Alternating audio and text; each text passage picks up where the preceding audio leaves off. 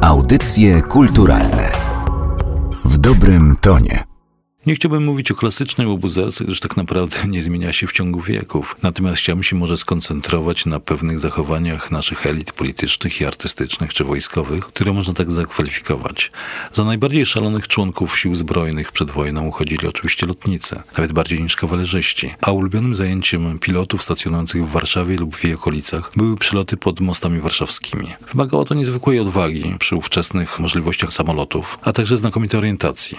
Oczywiście było to karane przez przełożonych, gdyż było to zachowanie bardzo niebezpieczne. Natomiast te kary aresztu były bardzo symboliczne z racji tego, że przełożeni doskonale wiedzieli, że porządni służbiści nie mają czego w lotnictwie szukać. Z lotnikami rywalizowali kawalerzyści i mało kto sobie zdaje sprawę, że kultowa scena ze słynnej perlowskiej komedii Nie lubię poniedziałków, kiedy to Bogdan Łazuka wraca po torach tramwajowych po libacji, miała swój pierwowzór właśnie w czasach II Rzeczpospolitej i w rywalizacji ułanów oraz pilotów. Kiedyś doszło do scysji przed jednym z lokali warszawskich i wówczas w ramach pogodzenia się ułani i piloci zaczęli się bawić w tramwaj. Polegało to na tym, że pewien rotmistrz włożył szablę w tory tramwajowe, zanim ustawili się zwaśnieni członkowie obu nacji i ruszyli przed siebie. Co chwila były przystanki. Lokale po lewej stronie to była pięćdziesiątka czystej, lokale po prawej szklaneczka piwa. Coraz więcej biesiadników dołączało się do tramwaju. Pojawiały się oczywiście głośne śpiewy na tematy wojskowe i nie tylko. W efekcie mieszkańcy zamykali okiennice, a policjanci chowali się w bocznych ulicach. Nikt nie ośmielił się zaczepiać wojskowych. Cóż, jak wiadomo, ułani piloci byli najbardziej szalonymi członkami sił zbrojnych. Fantazja pilotów nie ograniczała się tylko do podniebnych wyczynów. Zygmunt Wasilewski, wtedy jeszcze jako młody oficer, przegrał kiedyś pewien zakład. W efekcie musiał przebiec od Marszałkowskiej do lotniska na polu mokotowskim nago. To znaczy nie do końca nago. Miał tylko na głowie czapkę i oficerki na nogach. Ścigała go policja, ścigali go gapie. Policji nie wpuszczono na teren lotniska, a kiedy pojawiła się żandarmeria wojskowa, nikt nie mógł rozpoznać w nienagannie ubranym oficerze lotnictwa tego nagusa, który biegł przed chwilą.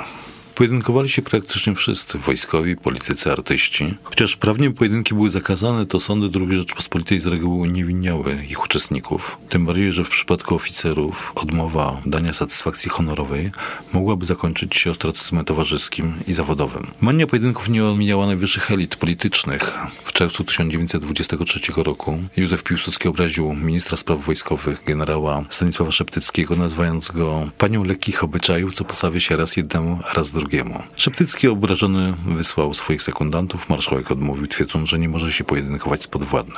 Natomiast panie załatwiały problemy między sobą za pomocą parasolek, które wówczas stanowiły ważny element kobiecej garderoby. Kiedy Zofia Lechnowicz, żona Adolfa Dymszy, dowiedziała się, że mąż podczas gościnnych występów kabaretu w Bydgoszczy zdradza ją z jedną z koleżanek, wsiadła do pociągu, przybyła nad Brdę i spacyfikowała sytuację za pomocą parasolki. Dostało się i koleżance, i mężowi.